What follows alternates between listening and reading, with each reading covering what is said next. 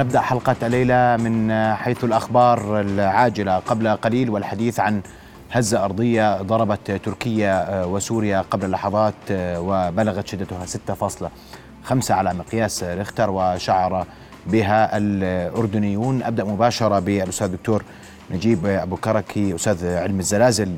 دكتور نجيب مساء الخير. أهلا وسهلا.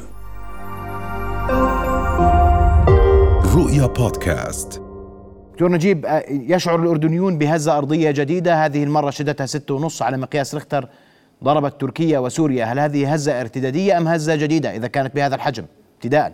لا في الواقع يعني الحجم يعني لا يقرر أنها ارتدادية أو لا، الحجم يعني ضمن الارتدادي طبيعي طبيعي تماما، لكن موقعها هو المهم، هل هي على صدع آخر ولا على الصدوع السابقه التي يعني تحركت؟ هذا هو الذي يحدد أنها ارتدادية أو غير ارتدادية، أنا أرجح في الواقع أنها ارتدادية وهي في الواقع ارتدادية بشكل واضح إذا ما قلنا بأنه السبعة ونص والسبعة وستة ثمانية بالعشرة. السابقين هذول كانوا هزات رئيسية على صدعين مختلفين كما أثبتت توزيعات الزلازل حتى الآن. دكتور نجيب لكن اليوم اليوم اليوم الشعور عند الأردنيين شعور سيء. يعني اليوم الناس عادت للقلق من جديد. من مثل هذه الهزة الأرضية. يعني الأردنيون شعروا فيها بكل قبل لحظات. شعر فيها كثير من سكان العاصمة عمان وسكان محافظة إربد ويعني وردتنا اتصالات بأن الناس حتى بعضهم خرج للشارع بعد شعوره بهذه الهزة.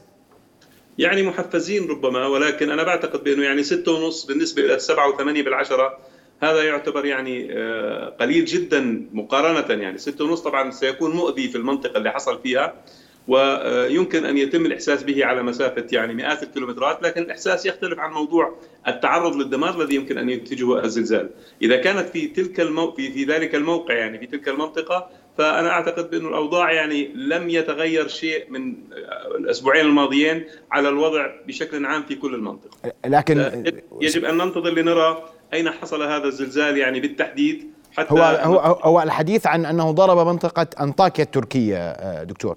نعم أنطاكيا هذه يعني هي أكثر مدينة ضربت بالزلازل في منطقتنا في خلال القرنين في خلال يعني الألفي سنة الماضية. ألف في سنة 115 للميلاد الوثائق التاريخية تذكر أن أنطاكيا خسرت 260 ألف قتيل. بزلزال. وبعد ذلك في عندي عشر تقريبا مناسبات دمرت فيها أنطاكيا تقريبا أحيانا عن بكرة أبيها في في بعض هذه الهزات، فأنطاكيا شيء آخر مختلف تماما، أنطاكيا تقع على ما إحنا بنسميه وصله ثلاثية، يعني عمليا النقطة التي تلتقي بها ثلاثة حدود لصفائح. وكل واحدة منها تتحرك بشكل ما فهذه أنطاكيا كلما تحركت أي من هذه الحدود لها نصيب من من هذه الإشكالية. يعني أنطاكيا مش موقعها. لكن دكتور بالتوصيف اللي ذكرته وكأنك تقول أننا كنا نتوقع أن تكون هناك هزة في أنطاكيا بعد الهزة التي حصلت مؤخرا.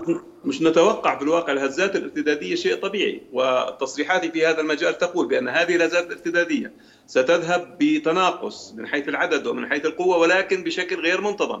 سيكون هنالك حالات شاذة. هذه والزلازل بقوة خمسة ونص وستة وإلى آخره هذه من الحالات الشاذة. عندك الآن مئات الزلازل التي تحصل في تلك المنطقة كل ثلاث أربع دقائق مرة لكنها من نوع درجة ثلاث الدرجة أربعة أقل ولكن يعني عمليا تقدر تقول إنه كل كل يوم بكون في عندك بضعة هزات من من درجة أربعة، أما الستة ونص فهذا في الواقع يعني شيء بيحصل كل بضعة أسابيع ربما مرة وإلى آخره حتى تهدأ هذه الأمور اللي موجودة في تلك المنطقة التي هي منطقة صدوع معقدة بشكل كبير لأنها تتداخل مع بعض وتؤثر على بعض وتتأثر ببعض. سأنتقل ل وسابق ابقى معي دكتور نجيب أبو كركي نعم. سأعود لك بعد لحظات لكن اسمح لي واسمحوا لي أن أرحب بمدير عام مرصد الزلازل الأردني غسان السويدان. أستاذ غسان مساء الخير. مساء الورد سيدي يعطيك العافية. أستاذ غسان قبل قليل شعر الأردنيون بهزة أرضية في مختلف مناطق المملكة شمال وسط المملكة تحديدا. بعض الملاحظات وردتنا بأن هناك أناس غادروا منازلهم باتجاه الشارع وأن هزة أرضية وقعت وضربت مدينة أنطاكيا التركية بقوة 6.5 هل مزيد من التفاصيل لديكم؟ يا سيدي ماشي. الله يعطيك العافية. ما في داعي على الخوف يعني هي الهزه تبعد عن الأردن عن عمان 450 كيلومتر شمال غرب عمان. هلا في الأراضي السورية في في جنوب التركي شمال غرب سوريا. قوتها 6 و3 بالعشرة مبدئيا على أجهزتنا. آه، عمق الزلزال 5 كيلو متر آه، صحيح شعروا فيه بالأردن بوضوح مناطق عمان والمناطق الشمالية جرش عجلون آه، إربد الرمته ولكن ما في داعي للخوف سيدي لأنه إن شاء الله إنه بعيد عنا. طيب لا داعي للقلق وهذا أمر يعني أوضحتموه في أكثر من مرة. لكن هذه المرة السؤال هل هو زلزال جديد أم أنه هزة ارتدادية أستاذ غسان؟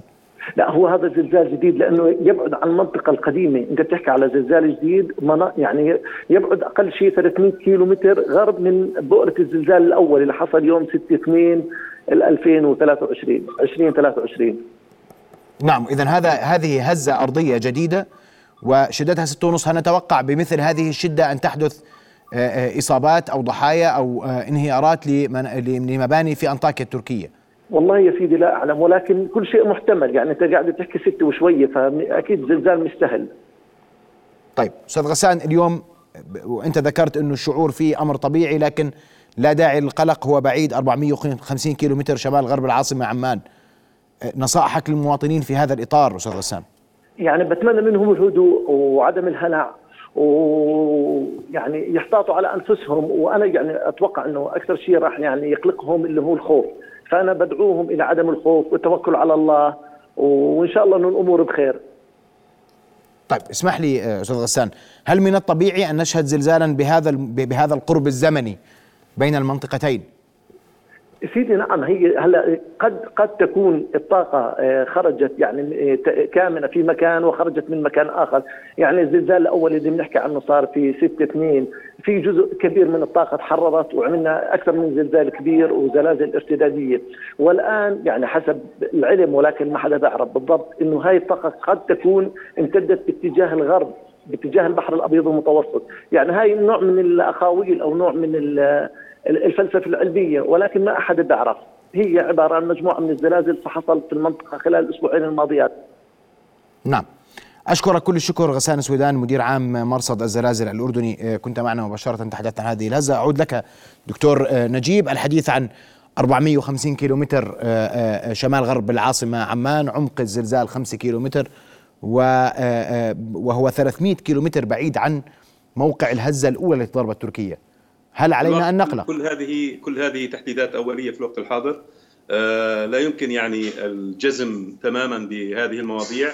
الآن مرصد مركز دراسات زلازل أوروبا والبحر المتوسط يقول أن قوة الزلزال 4 6 و4 بالعشرة وأنه يقع على بعد 70 كيلومترا إلى الشمال من اللاذقية وأنه على بعد 14 كيلومتر إلى الجنوب الغربي من أنطاكيا.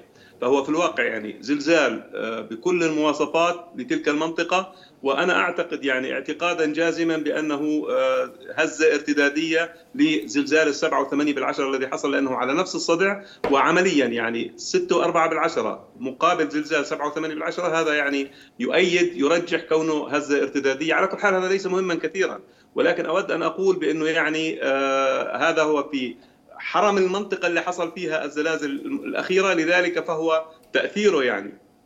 إذا قلنا أن قوته أقل بكثير بمئات المرات من الزلزال الرئيس فتأثيره على الأردن سيكون أيضا بمئات المرات أقل من ذلك التأثير في ذلك الوقت.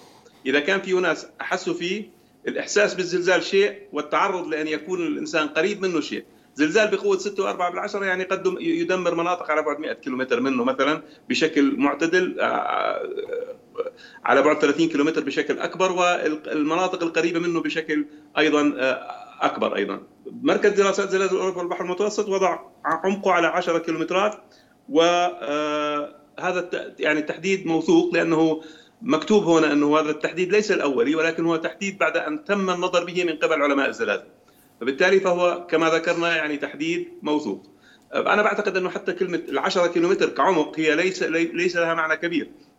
لأنه أعماق الزلازل بشكل عام من الصعوبة تحديدها وكثير من المراصد يعني يفرض هذه هذا العمق لأنهم يعلمون بأن هذا الزلزال بهذه المنطقة يجب أن يكون ما بين 30 و 2 كيلومتر ولا 1 كيلومتر فيفرض العشرة لتسهيل الحسابات وتسريعها لأنه في الواقع العالم بيكون بحاجة إلى أن يعرف أين الموقع بشكل دقيق وموثوق وهذا أعطاه مركز دراسات زلازل أوروبا والبحر المتوسط. بدي أقول إنه في شيء يعني مراصد مرصد الزلازل في الأردن وفي أي بلد إذا كان الزلزال خارج توزيع محطاته لا يستطيع أن يحدد الزلزال بشكل دقيق. هذا في الواقع من مواصفات البرامج الحاسوبية التي تفترض بأنه هذا الزلزال يجب أن يكون ضمن عمليا مجموعة المحطات. إذا كان خارجها بشكل بعيد جدا والمحطات لا تغطي إلا زاوية صغيرة جدا من الموجات الزلزالية بيكون التحديد يعني إلى حد ما قريب من العشوائي. لذلك أنا أرجو ألا يعني آه، خصوصا التدقيق بشكل كبير في هذه الزوايا أو الزلازل وأن لا نطلق مباشرة أنه في هزه في الأردن. في اختلاف ما بين أنه الهزه حصلت في الأردن أو تم الشعور فيها بالأردن، هذا في الواقع يعني يجب أن يؤخذ بعين الاعتبار والموضوع علمي ليس يعني أي شيء آخر. وهذا الذي يعني أرغب بأن يتم توضيحه بشكل جاد. نعم. آه، محطاتنا جاية ضمن زاوية دقيقة جدا بالنسبة لموقع الحدث لا تصلح لأن تحدد هذا الزلزال بشكل كبير إذا كنا معتمدين عليها فقط. لهذا السبب يعني يلجأ إلى محطات رصد الزلازل العالمية التي تأخذ محطاتنا بعين الاعتبار والمحطات المجاورة أيضا ومحطات سوريا ومحطات لبنان ومحطات كل هذه وتحيط بالزلزال وتحدده بشكل جيد، فهذا هو التحديد الذي يجب أن نعتمده وفي الواقع حتى نحلل هذا بشكل أدق وإذا طلعنا على شيء آخر ممكن أن نعلنه، لكن بعد التأني اللازم لهذا الموضوع. نعم أشكرك كل الشكر الأستاذ دكتور نجيب آه، أبو كركي. كنت معنا مباشرة علقت على شعور الأردنيين بزلزال قبل آه، لحظات مصدره آه، أنطاكيا تركيا شكرا جزيلا لك دكتور نجيب. رؤيا بودكاست.